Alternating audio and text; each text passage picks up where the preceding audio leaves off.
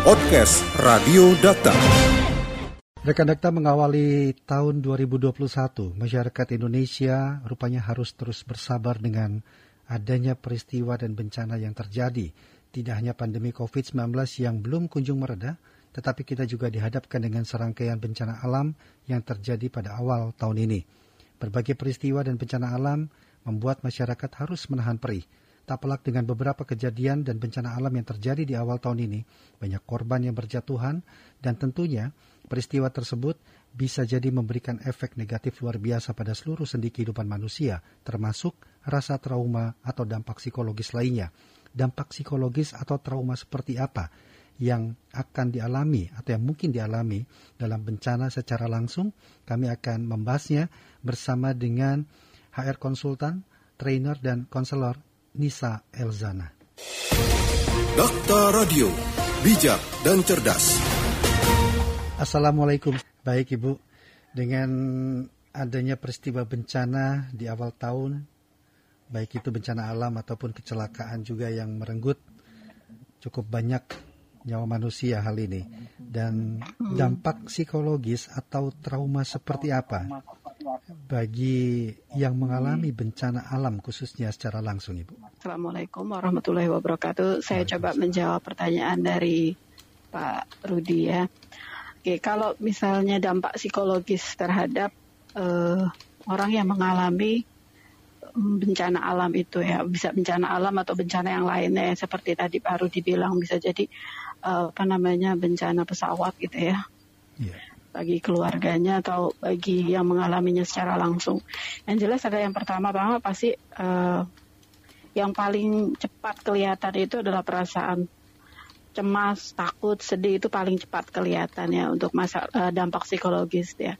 Terus kemudian juga biasanya nanti uh, sebenarnya gini reaksi dari setiap orang itu uh, bisa berbeda-beda gitu ya tergantung dari intensitas yang dia rasak uh, intensitas bencana yang dia alami terus seberapa masif bencana itu terus kemudian berapa besar dampak dari uh, bencana itu juga yang dia rasakan misalnya ada orang yang tidak mengalami dampak apa-apa dari sisi kehidupannya, tapi ada juga yang bisa sampai kehilangan tempat tinggal, bisa kehilangan orang tua, bisa kehilangan pekerjaan atau bisa kehilangan kekayaan. Uh, pokoknya uh, dampak-dampak yang dia rasakan secara pribadi yang uh, mungkin lebih besar dibandingkan orang lain. Terus juga ada pengaruh juga dari sisi usianya, terus hmm. karakteristik kepribadian. Beberapa orang memang punya kepribadian yang uh, secara style uh, dia mungkin lebih mudah cemas gitu ya. Uh, juga ada orang-orang yang punya gangguan-gangguan lain yang sudah ada di dalam dirinya dia gitu.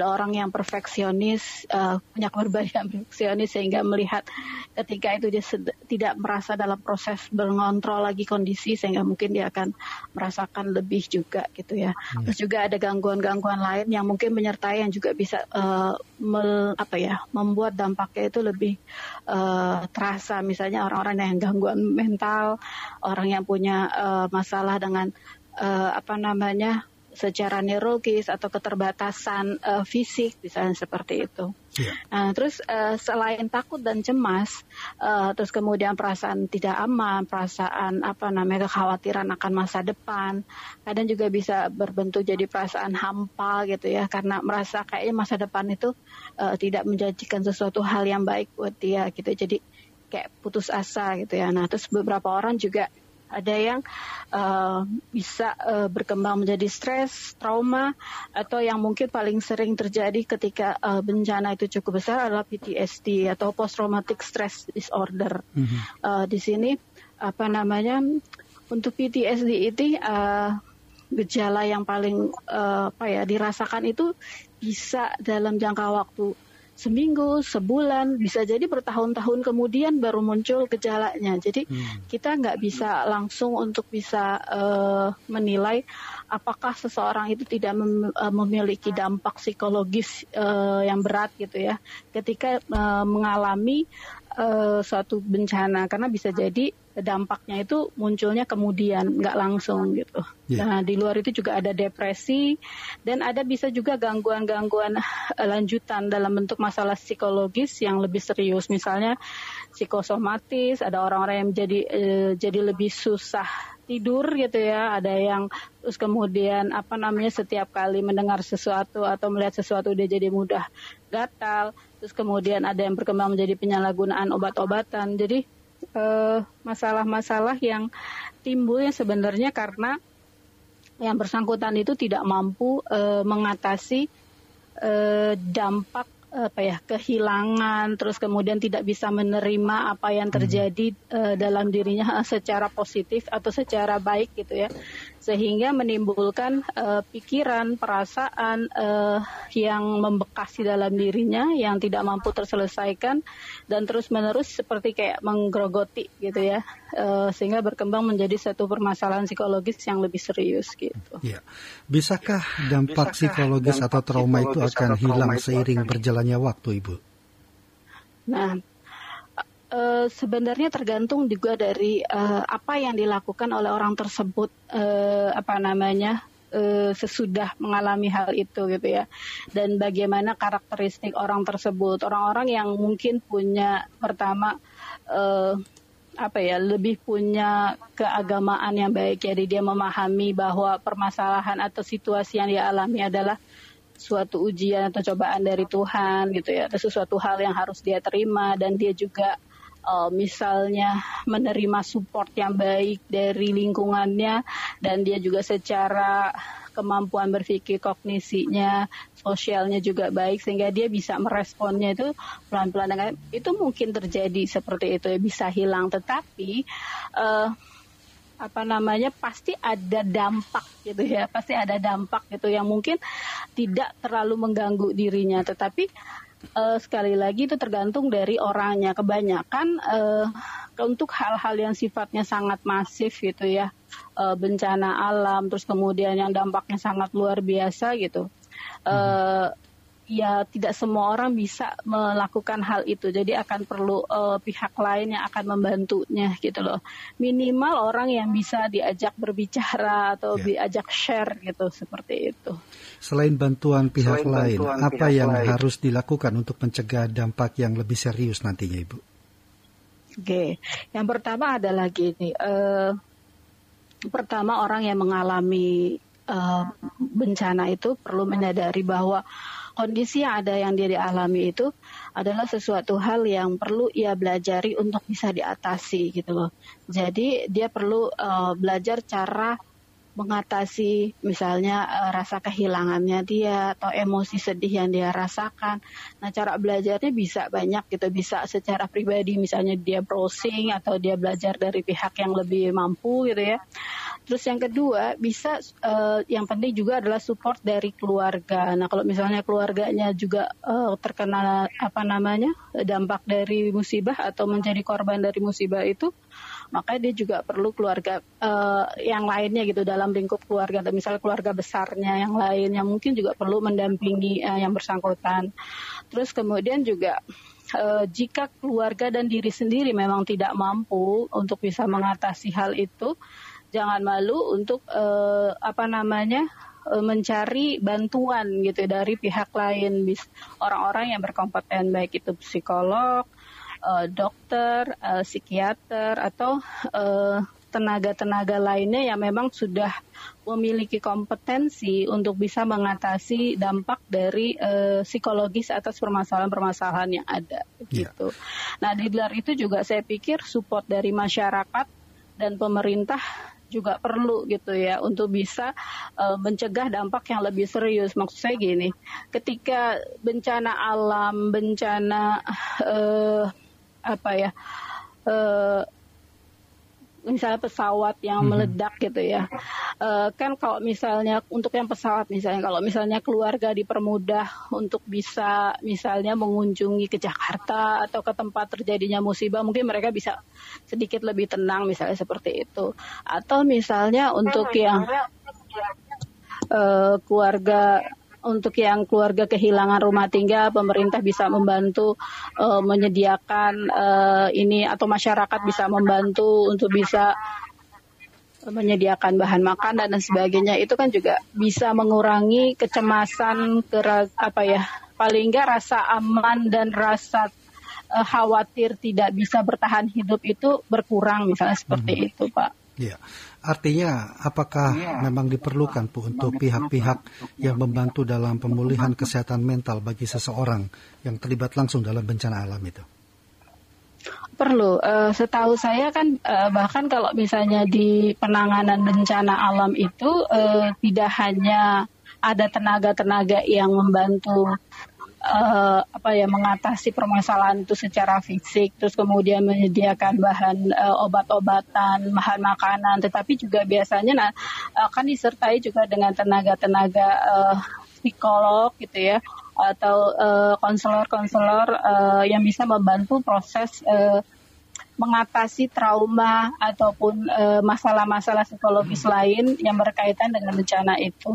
Ya, bagaimana dengan mereka yang tidak berada dalam situasi bencana alam? Apakah bisa menimbulkan dampak psikologis atau bahkan trauma melalui narasi informasi yang beredar, Bu? Bisa, apalagi dengan uh, kalau misalnya bencana itu uh, muncul apa ya istilahnya bertubi-tubi gitu ya. Misalnya uh, belum lama ada berita tentang kita sedang mengalami kondisi COVID gitu ya. Mm-hmm. Terus kemudian ada bencana pesawat. Yeah. Terus kemudian ada bencana uh, apa namanya gempa bumi. Uh, gempa terus bumi, kemudian ya. banjir. Yeah. Uh, nah itu pasti uh, akan menimbulkan apa ya istilahnya uh, dalam diri gitu ya Pak uh, sedikit atau banyak itu pasti akan terasa gitu ya. Um, yang paling penting adalah kita jadi uh, paling paling sering terasa adalah kita merasa bahwa uh, aduh ini kok bisa terjadi ini cepat banget ya sesuatu hal bisa berubah uh, segala sesuatu kok kayaknya ada yang ada tidak aman gitu ya. Uh, tidak pasti bahwa kita tuh bisa kapan pun dijemput oleh kematian gitu. Dan keluarga kita bisa tahu uh, mengalami bencana. Hal-hal itu sangat uh, mungkin timbul di dalam diri uh, masyarakat gitu ya.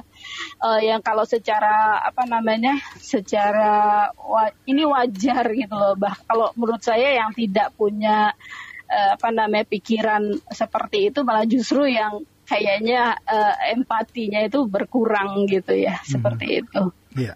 Adakah perubahan perilaku masyarakat dengan adanya peristiwa bencana yang terjadi uh, bertubi-tubi ini, Bu?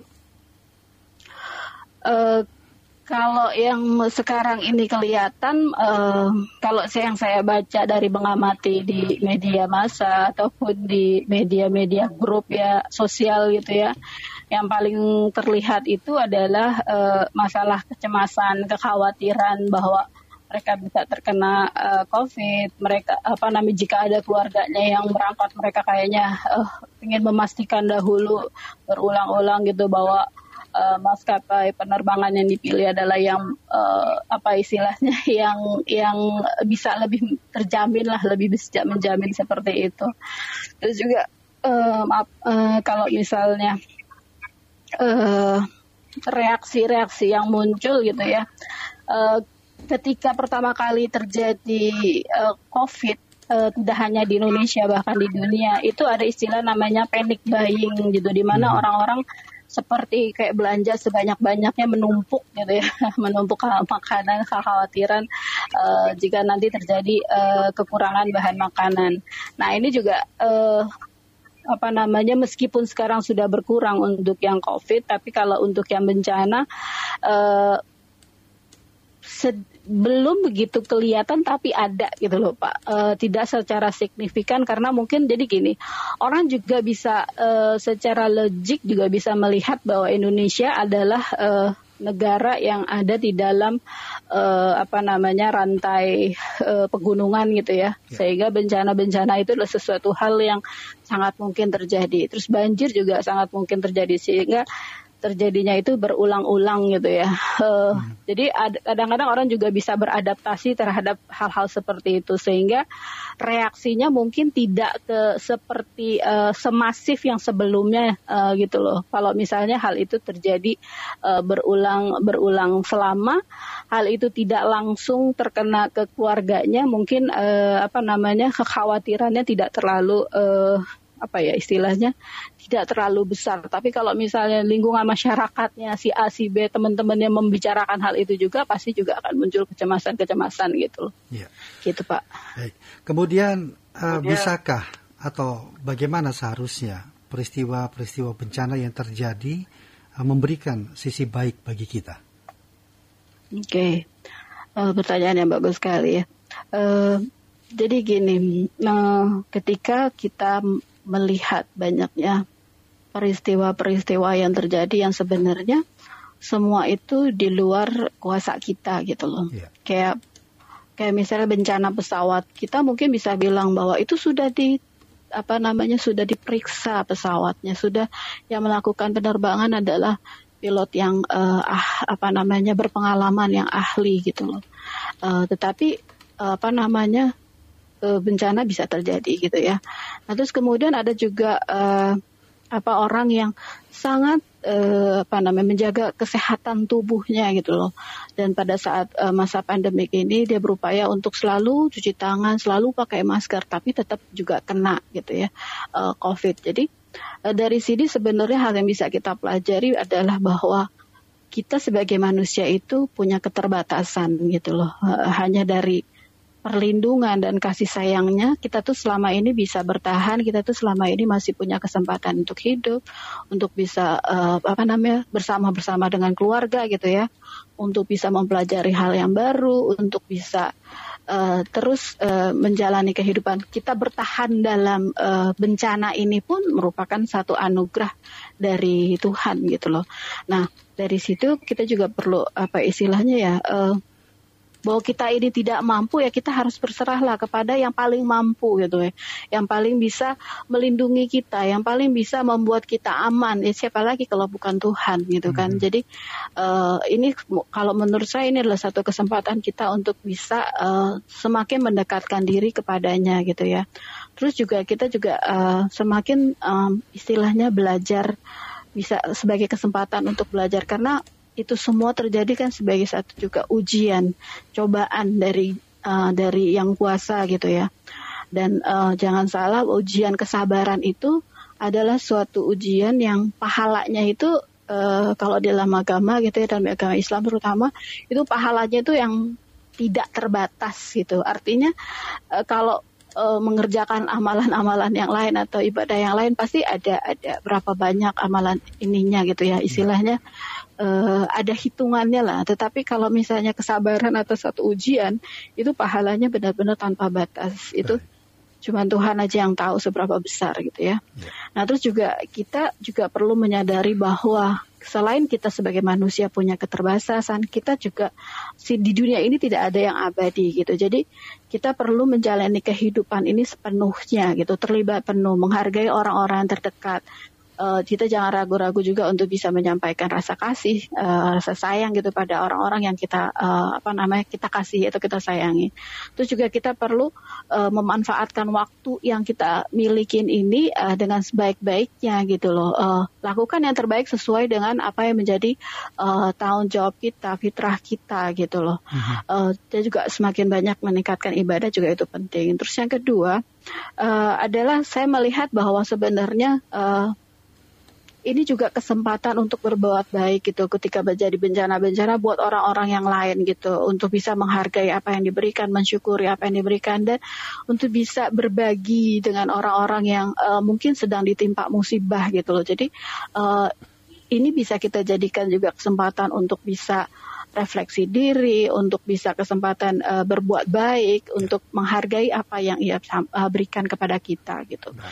Terus yang terpenting kalau menurut saya untuk bisa memberikan sisi terbaik bagi kita adalah kita perlu mempersiapkan diri gitu loh.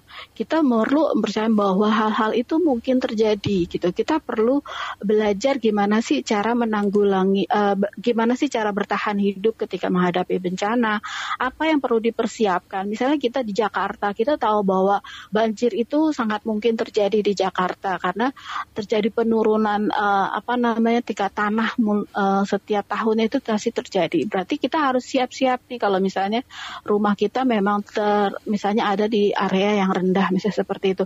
Persiapan apa yang perlu kita lakukan itu yang perlu uh, kita inikan juga. Ya. Terus juga kita mungkin juga perlu belajar kalau kita tahu bahwa kita adalah orang-orang yang mudah apa istilah dari sisi emosi mudah menjadi marah, mudah menjadi sedih, mudah cemas.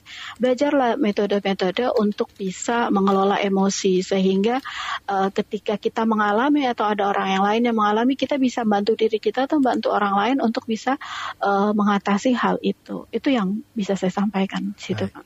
Terima kasih Ibu Terima Nisa kasih. sudah meluangkan waktu berbincang. Podcast Radio Data. Anda cukup masuk ke mesin pencari Google atau lainnya dan tinggal mengetik podcast Radio Data. Podcast Radio Data, aktual dan informatif.